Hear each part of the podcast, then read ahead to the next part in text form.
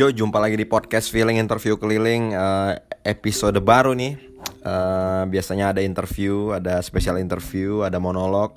Kali ini monolog-monolog juga jatuhnya ya. Uh, karena gabut banget aku malam minggu ada satu jadwal interview yang dipending jadi Sabtu depan ada satu job yang digeser jadi bulan depan jadi sebenarnya hari ini jadi sibuk banget sebenarnya harusnya tapi jadinya sekarang malah kosong banget melompong akhirnya tadi udah nonton Netflix dua film dan malam ini aku putusin untuk bikin podcast.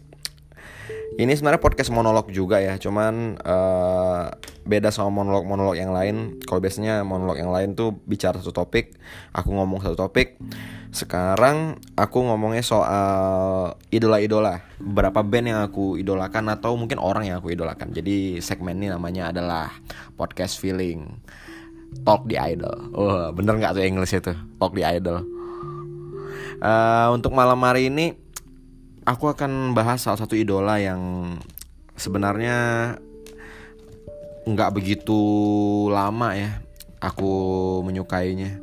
Baru sekitar 10 atau 9 tahun yang lalu udah sejak 2010 atau 2011 kalau nggak salah. Ada sebuah band uh, kalau nggak salah asal dari California ya kalau nggak salah. Nama bandnya ada Wiz adalah Wizard ya Wizard itu diambil dari nama panggilannya vokalisnya Reverse Como. Waktu waktu SD katanya di ingusan jadi dipanggilnya Wiz Wizzy gitu. Sekarang di, uh, bikin band jadi namanya Wizard. Aku tahu Wizard tuh kalau nggak salah dari kecil udah tahu ya karena mereka udah ada, dari tahun 96 95 tuh udah ada dari aku balita udah ada ketika aku SD juga tahun-tahun 2000 tahun 99 aku udah dengar lagunya juga. Cuman nggak nggak benar-benar nyangkut karena ya waktu SD dulu lebih suka dengar lagu keras sakti sama Wiro Sableng sih. Itu yang nempel. Ngapain denger dengerin post grunge? Nah uh, sampai akhirnya SMP tuh mulai ada majalah-majalah chord gitar gitu. Waktu era aku tuh tahun 2003 2004 tuh di SMP ada namanya Music Book Selection atau MBS kita bilangnya itu majalah chord gitar. Ada beberapa lagu Wizard yang di situ. Uh, aku coba cari di radio sama, sama kasetnya waktu itu. Putar juga di CD ada beberapa yang aku ulik-ulik lah. Tapi tetap belum suka tuh sama Wizard tuh. Sama sekali belum suka. Pas kuliah uh, aku punya band namanya Sport Jantung. Dia tuh bandnya band kayak kayak The Strokes ya kalau teman-teman tahu The Strokes. Uh, Arctic Monkey gitu-gitu deh tapi mulai jenuh nih memasuki tahun ketiga nih.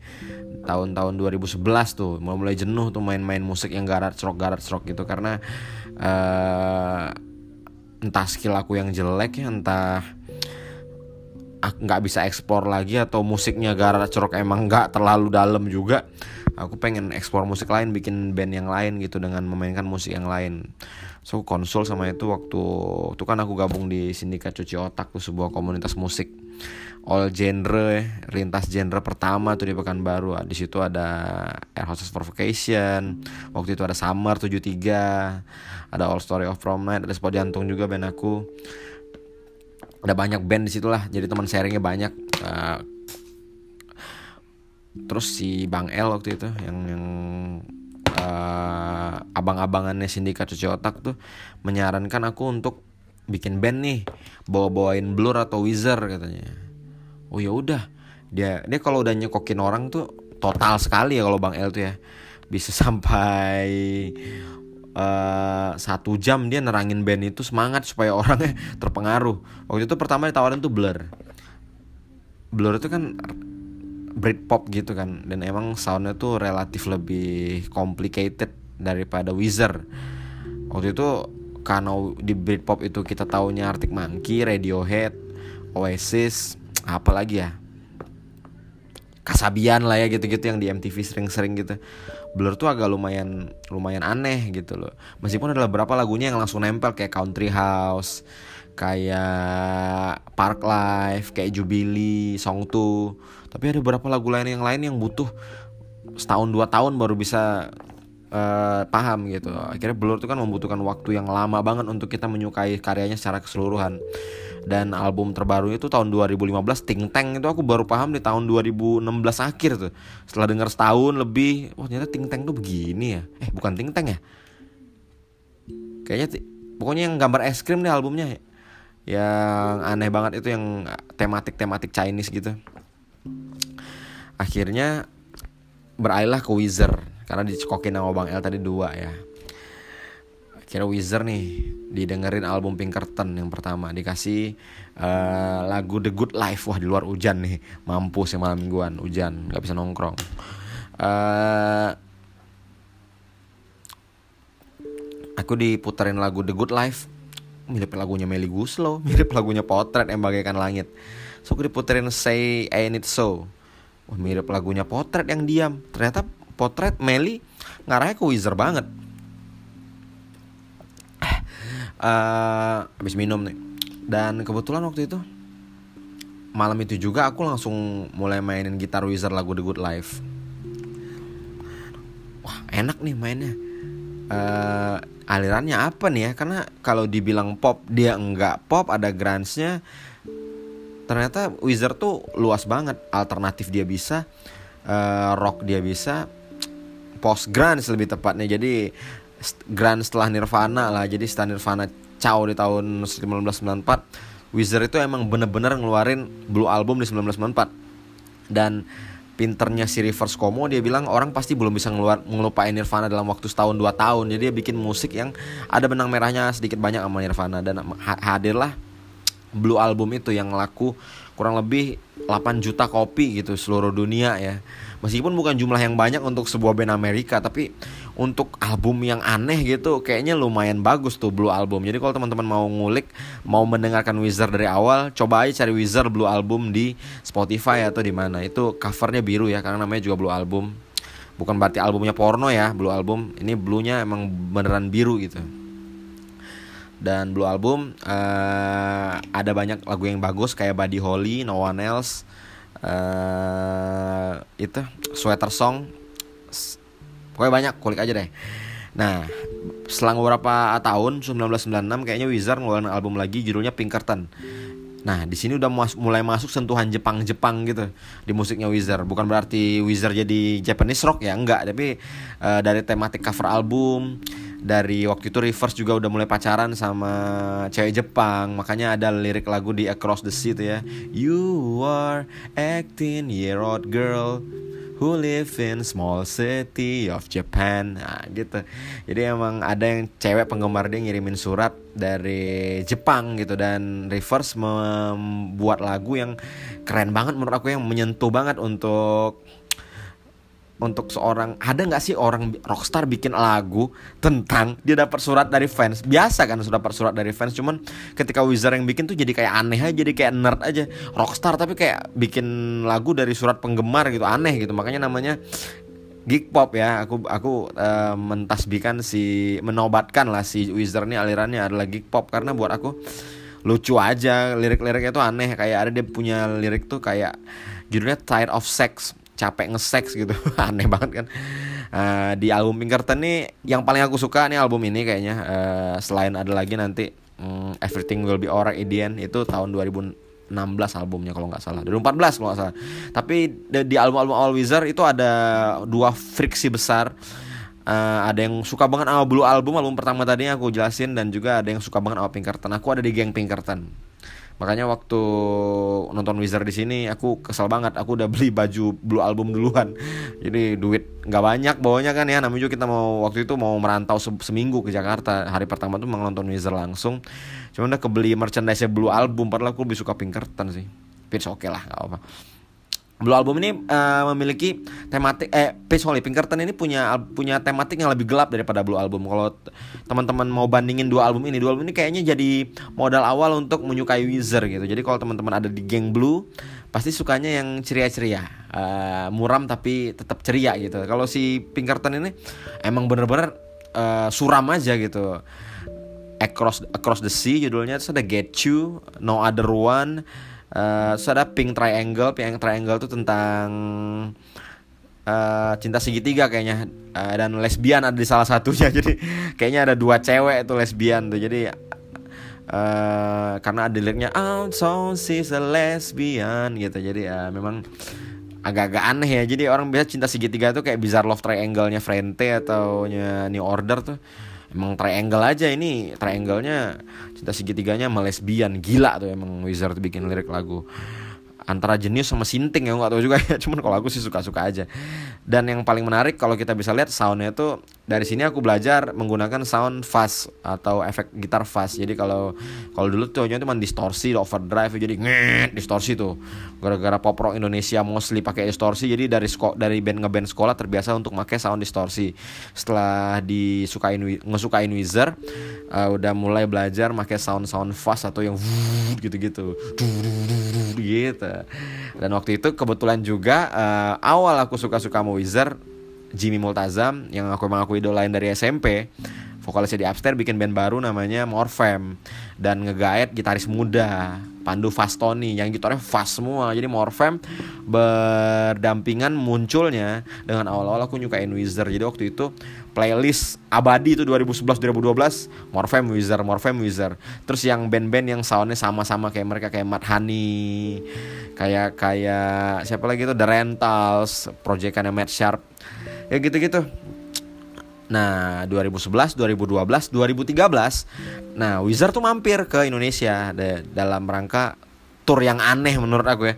Karena dia tour tuh empat titik empat kota di uh, empat apa lima ya lupa empat empat lima kota di Australia. Jadi di seluruh ibu kota negara bagian dia tour dan satu Jakarta agak aneh tuh. Dia turnya Blue Album Memories Tour namanya ada enam kota, satu Jakarta dan lima lagi di uh, negara bagian ibu kota seluruh ibu kota negara bagian Australia. Jadi di Victoria, di Perth, di Melbourne, tapi di Indonesia juga. Dan Indonesia titik pertama. Nontonlah aku ke situ dan ketemu banyak wizardian-wizardian yang lain dan ada musisi-musisi dan seleb-seleb juga yang hadir di situ ya. Tapi anehnya Melly Guslow nggak ada, padahal lagunya paling banyak mirip sama Wizard. Emang ada-ada aja. Eh, nggak uh, tahu ya entah Teh Meli sama Mas Anto nonton, mungkin nggak ketemu aja ya. Mungkin mereka nonton di kelas platinum kali. Aku nontonnya di di platinum gold. Kalau aku nonton di gold kalau nggak salah tuh. Di platinum gold silver. Aku nonton di tengah kalau nggak salah dan emang sangat sangat menyenangkan Wizard tuh emang band yang uh, treatment treatment panggungnya beda jadi mereka tuh tampil di dua sesi uh, the best greatest hitsnya itu sekitar 11 lagu mereka istirahat sekitar 15 menit mereka mainin so blue album set. Jadi album pertama tadi itu blue album full. Nah di sela-sela istirahat mereka 15 menit itu Carlo Fon kalau nggak salah Carlo Fon tuh nama manajernya Wizard aku sih nggak tahu namanya Carlo ini siapa ya. Pokoknya twitternya @carlovon waktu itu ya. Dia ngomong soal sejarah-sejarah Wizard di tengah pakai megafon doang. Wah itu keren tuh. Uh, acara di lapangan Desnayan. Dan sebelum konser si Rivers Como vokalisnya itu juggling-juggling bola gitu ngelilingin panggung tak apa gunanya. Dan ternyata setelah aku cari di YouTube ada mereka manggung tahun 2001 di Holtzfred itu memang uh, mereka nendangin bola ke penonton bola bola kaki bola soccer. Emang emang punya treatment yang aneh aja. Dan Wizard ini kalau bisa dibilang ada Wizardian yang kesebar banget kalau penggemar Wizard ini ya. Emang ada yang kadang-kadang yang musikalitasnya tinggi banget, ada yang kadang-kadang yang yang sekedar penggemar pop rock generic tapi suka gitu. Karena uh, range-nya Wizard ini lumayan lebar. Mereka punya album yang berat banget, mereka punya album yang entah apa gitu. Kayak beberapa kali kita tuh pernah kecewa sama album. Kayak uh, coba kalau teman-teman punya waktu uh, ulik di Wikipedia Wizard itu ngerilis Blue album yang mana keren banget masterpiece. Pinkerton yang lumayan aneh karena boomingnya 2 tahun setelah uh, Pinkerton dirilis. Jadi kayak Pinkerton tuh pas rilis nggak laku. Dua tahun kemudian orang udah mulai paham musiknya baru laku. Terus mereka ngerilis Green yang so-so dibilang bagus iya. Tapi dibilang buruk juga ada beberapa track yang kacau. Terus dia mereka mereka bikin album mereka judulnya Make Believe Uh, itu biasa banget. Terus Red album biasa sekali. Terus mereka punya album judulnya Dead to False Metal isinya lagu-lagu sampah. Mereka kayak lagu-lagu yang mereka nggak kepake mereka taruh tabung di situ. Dan mereka pada akhirnya ngerilis album yang keren banget judulnya Everything Will Be Alright in the End. Kalau nggak salah itu tahun 2014 atau 2016 itu covernya tuh gambar uh, mamut eh bukan mamut apa namanya tuh? Uh, hewan gitu hewan gede gitulah gorila gede gitu nah warna coklat nah itu album yang bagus lagi jadi kayak mainin perasaan pendengarnya gitu jadi abis blue album yang keren Pinkerton yang masterpiece. Mereka punya album-album sampah sampai akhirnya menuju ke Everything Will Be Orang Indian di tahun 2014 atau 16 kalau teman-teman ada waktu cek aja. Dan mereka sekarang ini kerjaannya tau nggak ngeluar apa? Mereka ngeluarin album cover. Mereka nggak nge-cover Toto, Rosena, nge-cover Radiohead, Paranoid Android dan emang band aneh, sangat-sangat aneh gitu dia. Aku nggak ngerti nih. Sampai aku ngeluh setiap ngeluarin album gini amat ya Wizard ya treatmentnya aneh banget. Mereka bahkan bahkan, bahkan pernah ngeluarin uh, album dua tuh sekali apa uh, setahun. Mereka pernah ngeluarin Memories, mereka kena pernah ngeluarin Death to False Metal, eh bukan mereka pernah ngeluarin album judulnya Harley yang ada lagu Memories dalamnya dan juga ngeluarin album yang judulnya Dead to False Metal di tahun yang sama di dua label berbeda sarap tuh emang. Ternyata uh, kejawab di lagunya di di, di Everything Will Be Orang Indian dibahas kenapa mereka bikin album dua dalam satu tahun itu karena uh, di lagu di British Are Coming. Jadi kayak liriknya tuh kayak gini I can sit and still the one the show. Jadi intinya mereka tuh diatur atur gitu uh, ada orang apa namanya yang ngatur-ngatur mereka yang apa yang harus mereka lakukan. Padahal mereka tuh udah band legend gitu. Tapi mereka tetap lakukan. Dan, terjawab di lagu British Are Coming. Aku juga lupa tuh lirik persis itu ya tapi terjawab di situ. Kalau sekarang nih produk-produknya Wizard yang mereka ngecover Afrika dari Toto, Rosena dari Toto, Tony Braxton bahkan Unbreak My Heart juga Unbreak My Heart juga mereka cover saking anehnya itu band gitu. Dan uh, itu sih yang mereka cover cover sekarang. Dan mereka udah masuk usia 50-an awal semua nih. Jadi emang mereka tuh seumuran Kurt Cobain apa ya? Kayak lebih muda dari Kurt Cobain dikit lah. Wizard gitu. Dan Wizard selalu jadi tempat aku pulang ketika aku sudah mulai jenuh dengerin musik-musik. Balik-baliknya denger lagu Wizard lagi. Ingatnya pas kemarin tuh aku interview di Creative. Uh, mereka nanya band idola. Aku nggak tahu mau jawab apa kan karena aku suka ada banyak band yang aku suka gitu. Cuman pertanyaan ini kerucutin uh, kalau bosen uh, dengar-dengar musik yang keliling-keliling balik-baliknya ke band itu. Band apa tuh? Wizard. Aku jawab dengan lantang Wizard. Dan sampai sekarang aku masih ngedulain Wizard. Apa pun yang mereka bikin ya kayak udah love and hate aja. Kayak pasti suka lah kalau mereka. Tapi ya memang mereka suka ngeluarin album dan rilisan yang aneh-aneh ya. Uh, dan fashion juga mereka sangat-sangat ikonik banget si Rivas Komo dengan dandanan ala anak sekolah cupu, pakai kacamata tebal, rambut belah pinggir dan bassnya tuh mantan angkatan laut kalau nggak saya si Scott itu. Uh, pakai singlet tatoan banyak emang kayak anak pang. Tapi anak pang yang modis ya dan suka pakai double neck bass juga sejak album Everything Will Be Orang Indian dan gitarisnya tuh emang satu lagi gitaris namanya Brian Bell itu paling modis gondrong tapi selalu pakai jas keren banget. Dan di belakang ada Patrick Wilson. Patrick Wilson itu ya bawa bapak lah ya secara look lah ya. Tapi bawa bapak yang funky yang yang emang gokil lah.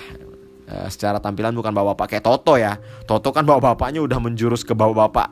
Uh, bawa bapak yang jazz fusion yang suka pakai kemeja kerahnya kebuka sampai dada tuh pentil kelihatan dikit. Nah, kalau si Patrick Wilson ini drummer New bapak-bapak tapi bapak-bapak yang ya kayak kayak Adam Sandler gitu, kayak Adam Sandler. Jadi emang masih enak dilihat banget. Dan kalau kalian pengen dengerin Wizard, aku saranin denger dari album pertama dari Blue ke Pinkerton, terus dengerin Green beberapa Green album. Ada beberapa lagu yang bagus kayak Don't Let Go, Photograph. Uh, terus melangkah lagi ke album Make Believe. Uh, aku lupa tuh di Make Believe uh, apa. Tapi yang jelas kayaknya di Make Believe tuh ada This is such a pity itu yang enak tuh. Selebihnya nggak enak. Dan mereka bakal uh, tiba-tiba langsung enak lagi di album judulnya album Everything Will Be Alright in the End. Itu kalau kalian bener-bener uh, suka grunge ya yang mirip-mirip sama Smashing Pumpkins. Tapi kalau kalian emang penggemar pop rock aja ya ada banyak lagu Wizard yang berserakan di banyak album album pop rock pop rock kayak di Red album ada Troublemaker di apa lagi ya, di Maladroid kayaknya ada banyak juga album lagu-lagu yang seperti kayak mereka featuring sama Sarah Bareilles tuh If You're Wondering If I Want You To itu lagu pop rock biasa. Jadi Wizard nih kayaknya menyediakan uh, lagu untuk semua kalangan yang suka. Yang berat-berat ada nih, yang filosofis ada nih, tapi yang untuk yang ringan-ringan pop rock pop rock generik kayak kayak mungkin kalian suka Bowling for Soup, mungkin kalian suka Nivon Glory ada lagu-lagunya si Wizard yang kayak gitu.